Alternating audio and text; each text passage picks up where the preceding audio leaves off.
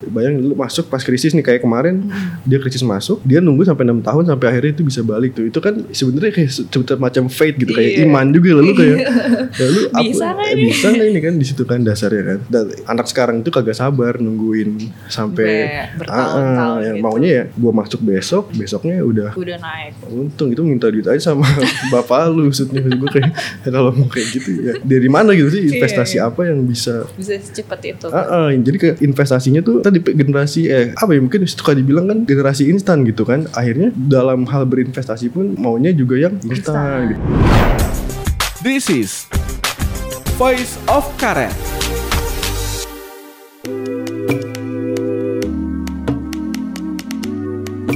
Ya halo sobat bisnis, berjumpa lagi di program Voice of Karet, obrolan ringan para awak redaksi bisnis Indonesia yang disiarkan langsung dari markas besar kami di Karet Tengsin. Nah, eh, episode kali ini saya Margaret, Eh, saya ngajak rekan saya sekarang, namanya Adi. Halo. Uh, kami sama-sama di premium content uh, lebih banyak di des uh, lebih banyak isu pasar modal terus sekarang ke kalau minggu lalu uh, masih ada kaitannya sama yang episode minggu lalu nih. Kalau minggu lalu kan uh, kita bahas soal uh, kondisi pasar uh, saham di global terus ngomongin Elon Musk. Nah kalau sekarang kita mau ke dalam negeri kondisi uh, bursa lokal. Setelah kemarin sama kayak uh, kondisi pasar di luar uh, bursa saham Indonesia kan uh, setelah pandemi turun ya. Terus uh, sekarang sudah mulai kembali hijau. Uh, tapi ternyata ada ada banyak fenomena yang uh, muncul sepanjang tahun lalu.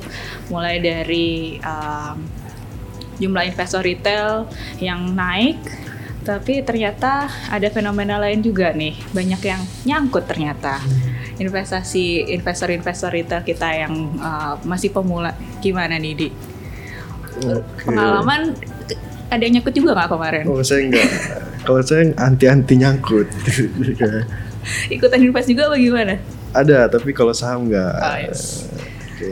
coba gimana di Gimana ya kalau kondisinya eh, sebenarnya 2020 itu agak sempet dari awal udah berat ya tahun lalu kan ya maksudnya kan karena kalau masih ingat 2020 tuh ada Jiwasraya waktu itu kan. Hmm, ya kan Jiwasraya itu langsung bener-bener kalau kalau perhatiin transaksi bursa dari 9 triliunan langsung turun jadi 6 triliun.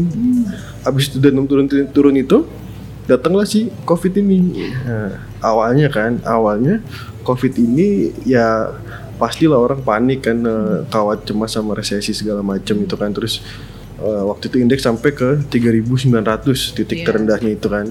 Ambles ambles ambles ambles. Dia mulai bangkit tuh akhirnya di bulan mulai kuartal 3 lah ya titiknya kan eh, kuartal 2 baik ekonomi maupun pasar modalnya itu yang paling dalam lah itu karena lockdown ya kan pertama Iya. kali kan. Akhirnya terus bangkit bangkit akhir tahun nih mulai kenceng kan. Mungkin fenomenanya itu jadi tuh kayak eh, misalkan eh, Mbak Margaret gitu punya penghasilan yang besar gitu terus bingung mau dikemanain karena biasanya buat jalan-jalan atau biasanya buat setiap hari mungkin nongkrong di kafe habis 50 100 ribu. Ini cuman mungkin seminggu aja belum tentu keluar kan. Akhirnya banyak tadi fenomena dana mengendap gitu kan. Terus di satu sisi dari pemerintah juga tuh di eh, suku bunga lagi diturunin kan ibaratnya ngapa eh, deposito itu nggak menarik gitu. Sedangkan orang ini punya duit nih. Ah kira-kira nyari returnnya ke mana yang biar yang tadi tadi biar cuan kan? Biar cuannya lebih gede dari deposito yang ditungguin ya setahun 3% 4% gitu banyak lah meledak lah masuklah ke saham. Karena yang ya emang di satu sisi bursa juga lagi gila-gilaan. Iya. ngegenjot eh, nabung saham kan kalau kalau suka lihat yuk nabung saham atau dulu ada sekolah pasar modal ada galeri investasi bursa di mana-mana itu itu yang bikin jadi akhirnya meledak tuh barang tuh dan dari emang fenomenanya eh, lagi booming nih orang-orang usia di bawah pekerja-pekerja ya tadi pekerja baru empat tahun mungkin ada yang baru berumah tangga atau yang belum yang Iya. punya penghasilannya yang tiap hari dulu ya mungkin libur dikit udah ke Bandung atau minimal ke Bali atau Iya. Kalau ada tiket promo dikit dari aplikasi ini Iya. langsung beli tiket kan ini nggak bisa mau ke mana lagi kan ya udahlah masuk lah jadi tuh bayangannya tuh 2016 itu jumlah SID-nya bursa itu baru 6 eh, nggak nyampe juta ya, kurang lupa angka Iya sih. tepatnya. Tapi kemarin terakhir bursa tuh lapor udah 4 juta jumlah SID itu. Luar biasa. Dan mereka bilang dari bursa itu bilang investor retail itu yang usianya di bawah 30 tahun itu sampai 50-an persen. Oh iya. Yang di bawah 30 tahun. Wah. Tapi memang secara aset mereka kecil. Tadi umur berapa? Oh saya di stit sensor dikit lah ya jangan pakai. ah, ta- tapi ini nih yang yang menarik. Jadi ada 50% investor retail itu di bawah 30 tahun dan bursa bilang itu mahasiswa eh, statusnya masih SMA Wah. pendidikannya. Jadi artinya mereka masih kuliah ya, bukan Hmm. mereka masih kuliah terus mereka masuk ke saham. Lagi katanya kalau eh, pas lagi merah itu waktunya untuk masuk gitu ya. Nah, itu itu tadi nah. Ini menariknya nih, mereka masuk masuk masuk ya gimana ya generasi eh, mungkin dominasi di bawah 30 tahun tuh masuk ke milenial ya. Milenial ini kan kecenderungannya berani eh, Bawahnya milenial ada lagi sih. ya bawahnya milenial lagi cuman mungkin yang 30 ini kan di milenial ini yang eh, akses terhadap sosial medianya tinggi banget gitu kan kayak ya mungkin mau tidur aja bisa satu jam buat ke Buka pending handphone dulu. buka handphone dulu. Sampai muka tuh ketiban handphone tuh Baru dia baru dia tidur. Itu tandanya gitu alarm orang tidur kan. Kalau mukanya belum ketiban handphone tuh belum tidur tuh Iya, biasanya tuh. Nah tapi ini ini generasi ini sekarang lagi masuk semua nih ke pasar saham gitu yang Cek, taruhlah mungkin kalau Kak Margit main sosmed di era 2018 tuh jarang lah ngeliat orang ngeposting eh gue beli saham ini gitu. Atau orang ngomongin apa investasi gitu kan. Sekarang kayaknya hampir kalau di explore-nya Instagramnya gitu pasti ada aja yang muncul soal Bahas itu iya, ya. entah meme entah akun edukasi gitu kan. Dulu apalagi dulu mungkin Joska kalau pernah sih ingat kasus Joska itu satu dua aja yang punya edukasi gitu. Tapi sekarang kayaknya hampir tinggal nyari kata saham aja jadi di explore Instagram itu muncul akun-akun yang isinya itu. Tadi kan artinya kan pasarnya gede banget gitu kan yang yang orang yang mungkin yang tadinya eh, keluarganya nggak peduli gitu atau nanya ya apa sih eh, nabung saham itu apa sih? Gitu. Atau pengalaman itu. ya banyak gitu tiba-tiba Ada yang nanya rekomendasi juga ya banyak itu sering ditanya rekomendasi gitu. Jadi kayak mau perkaya orang aja gitu tugas tugasnya begitu doang gitu. Nah itu belundakan ini tadi eh, se- dibilang sempet ada lag nih antara edukasinya pemahamannya sama Sama eh, jumlah jumlahnya. eh, Kemarin kan banyak yang kalau kita lihat di eh, sosmed di Twitter, di Facebook, di Instagram banyak yang ngeluh karena, duh uangnya nyangkut nih, aduh ini Ya. sebenarnya duit buat sekolah anak nih, ini kan duit duit arisan nih dipakai duit arisan nih? duit eh, apalagi tuh yang parah dia ngutang di Dipinjol. pinjol Mm. buat Beli saham. beli saham dan beli sahamnya waktu itu kebetulan nyangkut gitu Iya. kalau sampai waktu itu kan mungkin booming waktu sebelum mulai ingat gak sih waktu Desember itu vaksin datang kan Mm-hmm. S- dari sebelum itu dari bulan Agustus itu saham farmasi kan udah kenceng kan Oh iya. udah kenceng kenceng kenceng itu juga bareng tuh sama jumlah investor yang yang masuk gitu ke pasar modal. Bahkan datanya bursa tuh bilang eh, investor retail itu emang masuk ke saham-saham farmasi favoritnya mereka. Jadi mereka sempet Memanfaatkan karena tergiur. ya tergiur kan ngelihat Wah bisa eh, untung berapa nih gitu ya? ngelihat saham naiknya ratusan persen dalam hitungan hari. Siapa sih orang yang sekarang eh, kita manusiawi ya kita punya uang pengen naik 100% dalam waktu satu hari dua hari siapa yang nggak mau kan padahal gitu kan.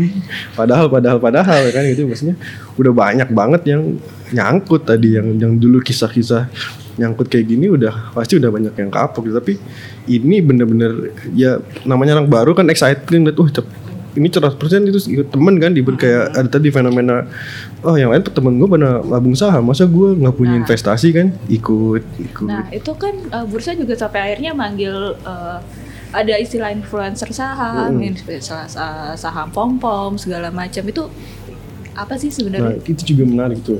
Tadi kan balik karena si investor ini banyak kan milenial kan, eh, akses paling banyak kan informasi dari sosmed, dari ngeliat artis atau tadi tadi sosok-sosok yang dianggap menginfluence tadi kan. Nah Teman keluarga.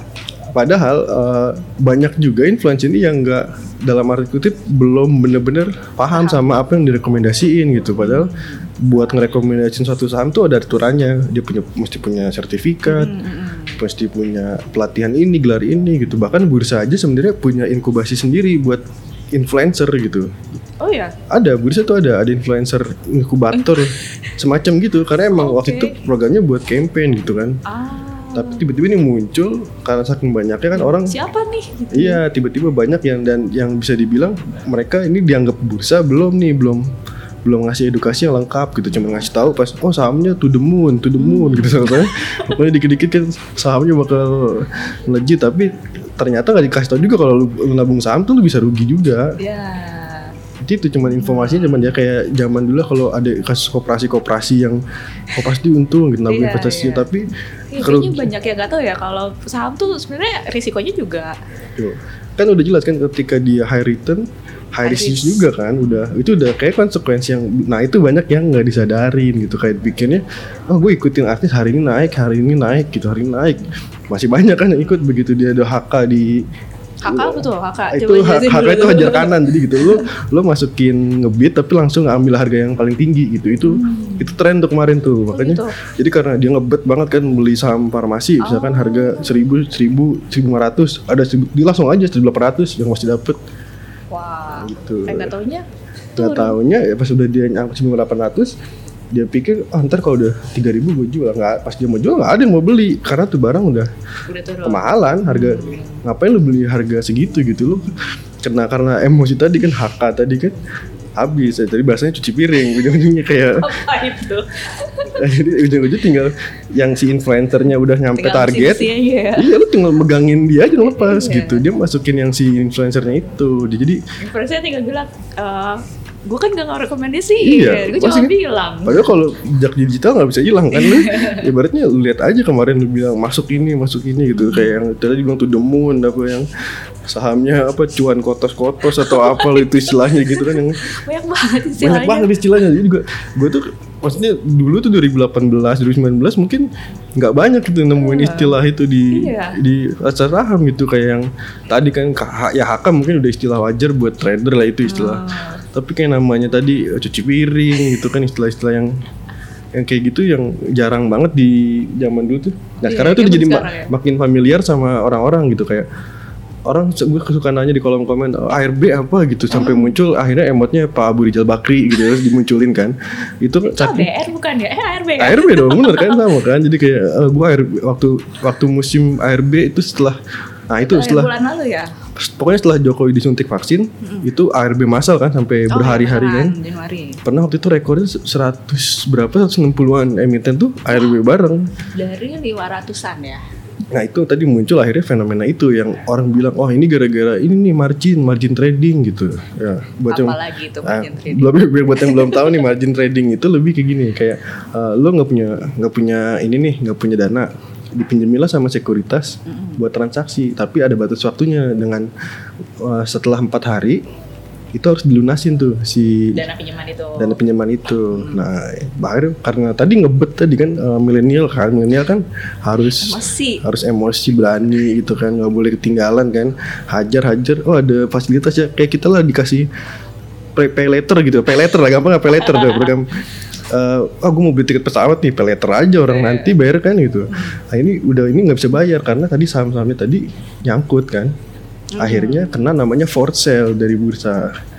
Eh, dari- sorry sorry bukan dari Dari bursa, dari sekuritas. sekuritas. Sekuritas itu sama OJK tuh punya mekanisme for sale. Jadi ketika lu pakai transaksi margin empat hari nggak bisa bayar, nah, saham lu ini eh, bukan sahamnya, portofolio ini harus dilepas buat nutupin kerugian lu. Dan itu dan itu sekuritas punya aturan dia bakal ngejual di harga terendah dari kemarin. Hmm. Itu yang bikin makanya kan harganya ya udah gue jual diskon ibaratnya nih, gue jual barang sitaan lah, Iya, gue iya, jual iya. Gue jual murah aja gua lah, jual murah yang mau aja. gitu ya. Nah, yang itu- penting itu gue yang- nggak nggak rugi gitu. yang penting ya untung penting gue dapet baliknya kan itu itu udah perjanjian dan itu diatur juga sama POJK ada aturannya kan soal itu nah, itu banyak yang nggak tahu akhirnya banyak kan yang bertanya ini apaan nih for sale berhari-hari atau eh sorry ARB berhari-hari? Gitu kan. Karena itu barang karena gue perhatiin juga tuh transaksi yang dilepas itu saham-saham yang ya Antam ya yang Bris yang selama ini tuh yang emang lagi jadi inceran kan. Dan kalau gue yang paling masuk akal yang cepat laku ya saham-saham itu. Kalau ketika lu nyita barang ya kan nggak mungkin nyita barang yang barang yang nggak liquid dong. Berarti kan nyari barang yang cepet dijual aja gitu lebih ke situ. Makanya akhirnya kemarin ada fenomena ARB masa cuman ya banyak yang nggak aku juga sih ibaratnya. Jadi sebenarnya eh, kenaikan si jumlah investor retail ini nggak sebanding sama pemahamannya ya. ya bisa dibilang belum ya. Masih banyak PR yang harus dikerjain gitu kan sampai ya karena namanya sesuatu yang cepet instan gitu kan ada konsekuensinya. Emang secara data bagus gitu. Kayak wih meriah banget. Tapi Iya. ternyata Oh bursa sukses nih ya ternyata. ya tapi PR-nya masih banyak gitu. Maksudnya PR PR dari mulai dari tadi edukasi sampai yang pemahaman soal rugi tadi tuh belum. Nah kalau dari eh, bursa sendiri si apa influencer saham ini ada ada ininya nggak sih? Kayak bursa manggil investor saham eh lo jangan gitu dong. Ini kan eh, apa investor eh, retail kita ternyata belum se sedalam itu gitu Hmm. pemahamannya ada kayak gitu Nah itu? Ada langsung sanksi-sanksi tuh kayaknya gitu? kalau sanksi sih enggak tapi lebih ke eh, dikasih dipanggil ke bursa buat dikasih edukasi gitu. Kayaknya beberapa kalau nggak salah komisarisnya bursa tuh Pandu Sahrir berapa hari lalu manggil sekitar 20-an oh banyak ya influencer cuma dia nggak bilang sih siapa. Mungkin kalau ada yang punya infonya nanti bisa bantu di bawah sini. Kalau dari orang terdekat lo misalnya di dari keluarga atau uh, teman gitu rekan kerja ada yang nyangkut-nyangkut juga nggak? Wah, Ada kalau yang ikutan kemarin terjebak? kebetulan sih beberapa yang kalau gue yang kenal pribadi sih udah udah pada lama ya mereka main eh, bukan main investasi saham ya jangan pakai kata main investasi saham itu udah agak lama gitu tapi ya rata-rata sih udah paham gitu resiko yang jadi mereka ketika kemarin farmasi naik ya nggak nafsu hk-hk tadi jadi kayak lebih ini. Jadi kalau gue sih nggak ada kalau lu ada kalau misalnya cerita Eh, enggak sih, gue juga untungnya. Jadi uh, walaupun ada banyak teman-teman uh, gue yang invest di saham ikutan juga, cuma mereka ya lebih kan namanya sudah lama bukan main lagi tadi. Karena mereka sudah lama uh, Investasi. investasi, jadi sudah lebih paham lah. Oh yang harus dilihat tuh uh, ininya loh, uh, fundamentalnya kan ya terus si bisnis perusahaannya kayak apa kayak gitu. Kalau lo sendiri nggak tertarik atau untuk Hmm. eh, masuk ke saham? belum belum tertarik Eh, lebih tertarik bikin beritanya dulu aja Oh, yang eh, sempat ini juga ya eh, beredar screenshot dari satu, salah satu Ah, sekuritas. iya tuh waktu itu sempat rame dari salah satu sekuritas swasta lah yang cukup besar gitu. Dia ngisi pengumuman bahwa eh, bertransaksilah sesuai kemampuan Iya, gitu itu. kayak Kayak dia kesel ya. iya jadi mengingatkan orang mampu buat sesuai kemampuan gitu. Nah, Artinya kan lu ketika investasi sebenarnya harusnya bukan dana yang Bukan buat uang panas, bukan ya. uang panas, bukan kebutuhan pokok gitu yang lu ketika udah punya dana dana lebih baru investasi ini sampai ada peringatan begitu berinvestasilah sesuai kemampuan ya kalau nggak salah itu ya. Iya. Karena itu kocak sih itu kayak agak agak ironis juga sih. gimana? Nah, makanya dan padahal itu salah satu yang cukup besar gitu di backingin oleh perbankan sangat besar gitu. itu. Jadi nggak bisa disebut ya. jangan deh jangan gitu. Tapi artinya ada tuh sampai pengumuman itu beredar gitu ke mana-mana. Itu kan itu semakin menguatkan bahwa hipotesis soal adanya tadi rame orang pakai margin trading, akhirnya rame-rame di for sale, ujung-ujungnya ARB massal. Akhirnya nyangkut-nyangkut semua, Nyangkut. rugi. Dan akhirnya Wah. setiap hari tuh di kalau sekarang lucu-lucu di Instagram tuh kayak fenomena ada ada aja gitu meme yang apa tuh yang Iya. paling yang paling lo ingat apa tuh? yang Rosa itu yang jeritan Oh, apa jeritan Oh, iya. seorang istri itu kan itu jadi diganti fotonya eh, emiten-emiten farmasi gitu kayak jadi investor-investor hampir setiap hari tuh kok coba aja follow di Instagram tuh namanya Back Homey itu dia ak- akun meme-nya. Follow semua ya kayaknya. ya buat lihat-lihat. Karena sekarang tuh bener-bener yang ya ibaratnya bukan barang yang mewah lagi lo investasi saham gitu. Jadi kayak udah merak eh, merakit ya bahasa gampangnya. Jadi kayak semua orang itu udah ini ya padahal eh, kalau dilihat tadi eh, lo sebutin profil investor kita sam udah sampai anak kuliah anak Hmm. SMA itu sebenarnya hal yang bagus ya karena kalau dilihat di Korea Selatan juga udah kayak gitu cuman Ya. mungkin belum bisa dibandingin ya sama di sana ya ya mungkin mungkin di sana juga sama ya cuman kita nggak baca berita-berita yang berita-berita lokalnya lebih detail gitu ya karena kan Iya. itu kan karena mirip-mirip ya akhirnya kan kayak di Amerika juga retailnya banyak gitu kan itu mungkin ya sama mereka menghadapi apa tadi gegar gegar gegar investasi lah gitu kan ada eh, ini juga ya apa kalau di luar negeri lagi rame yang short selling Mm. di sini ada nggak sih di sini Di bursa ada ya sebenarnya. eh, ada cuman selling? itu udah dimatiin tadi kan dari dua, du- dari Maret 2020 Hmm. jadi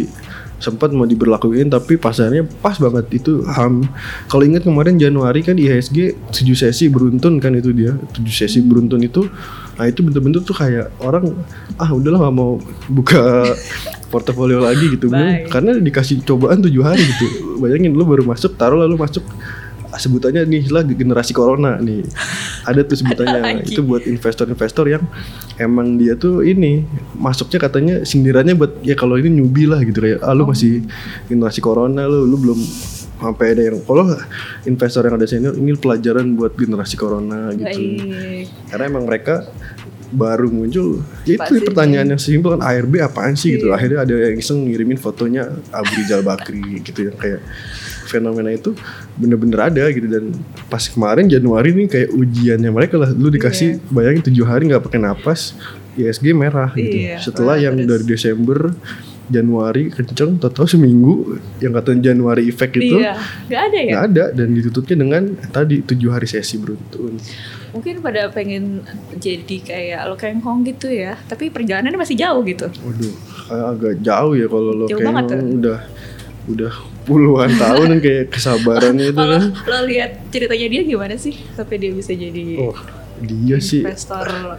apa ya? Kok kok jadi kesabaran sih kalau ngeliat dan Nah, gue juga gue belum belum yakin bisa sesabar dia gitu nunggu. Salah satunya di sana di United Tractor tuh dia nabung nunggunya enam tahun dia bilang dia tidur itu sampai enam tahun buat nunggu sahamnya jadi 6000 persen itu jadi Wah, bayangin lu masuk pas krisis nih kayak kemarin dia krisis masuk dia nunggu sampai enam tahun sampai akhirnya itu bisa balik gitu istilahnya, Wow. istilahnya dia tuh dari uh, lu uh, lu nyikat barang di harga lu nyikat Mercy dengan harga Innova lu tungguin sampai harganya jadi harga Mercy gitu itu kan sebenarnya kayak se- se- macam fate gitu kayak Iya. iman juga lalu kayak ya lu Bisa nggak eh, ini? bisa nggak ini kan di situ kan dasarnya kan dan anak sekarang itu kagak sabar nungguin sampai Ah, ah, yang gitu. maunya ya gua masuk besok besoknya udah udah naik. untung itu minta duit aja sama bapak lu maksudnya gue kayak kalau mau kayak gitu ya dari mana gitu sih Iya, investasi iya. apa yang bisa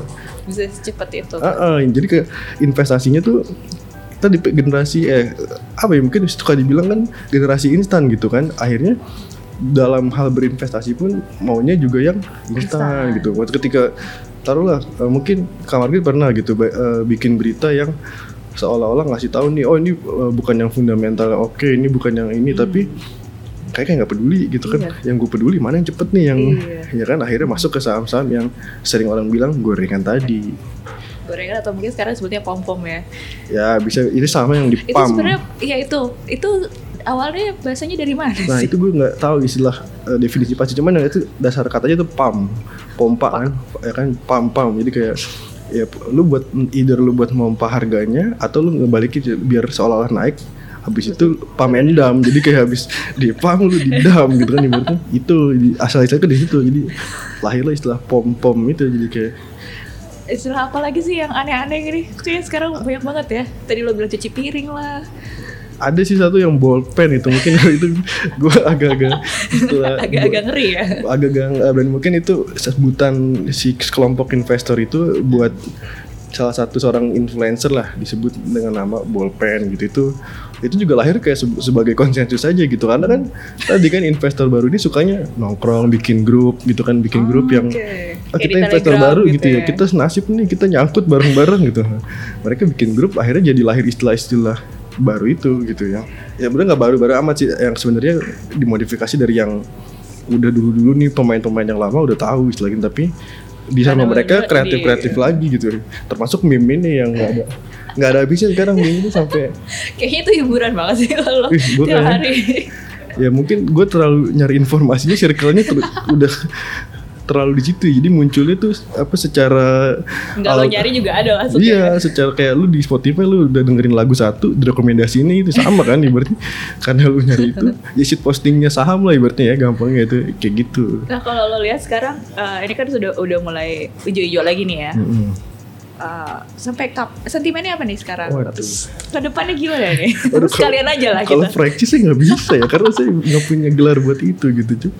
Cuman sih yang pasti udah eh, ISG ini udah selesai gitu koreksi koreksi sehat gitu udah kalau bahasanya eh, analis-analis ini Hmm, udah kalau dari analis yang sering lo kontak-kontak Ah, itu ini gimana? Artinya dia udah mulai kembali ke valuasi aslinya gitu. Kemarin itu valuasi ISG kemahalan gitu. Hmm. Artinya ada lag eh, pertumbuhan ekonomi baru segini, tapi Ya, segini. ISG-nya udah lebih kencang. Itu ada lag yang sangat jauh gitu. Makanya kemarin sempat dibilang oh ini udah kemahalan nih ISG tinggal nunggu waktu koreksi gitu. Hmm. Di satu sisi juga kan bisa dibilang eh, masa krisis nih udah mulai ada vaksin sekarang kan. Hmm.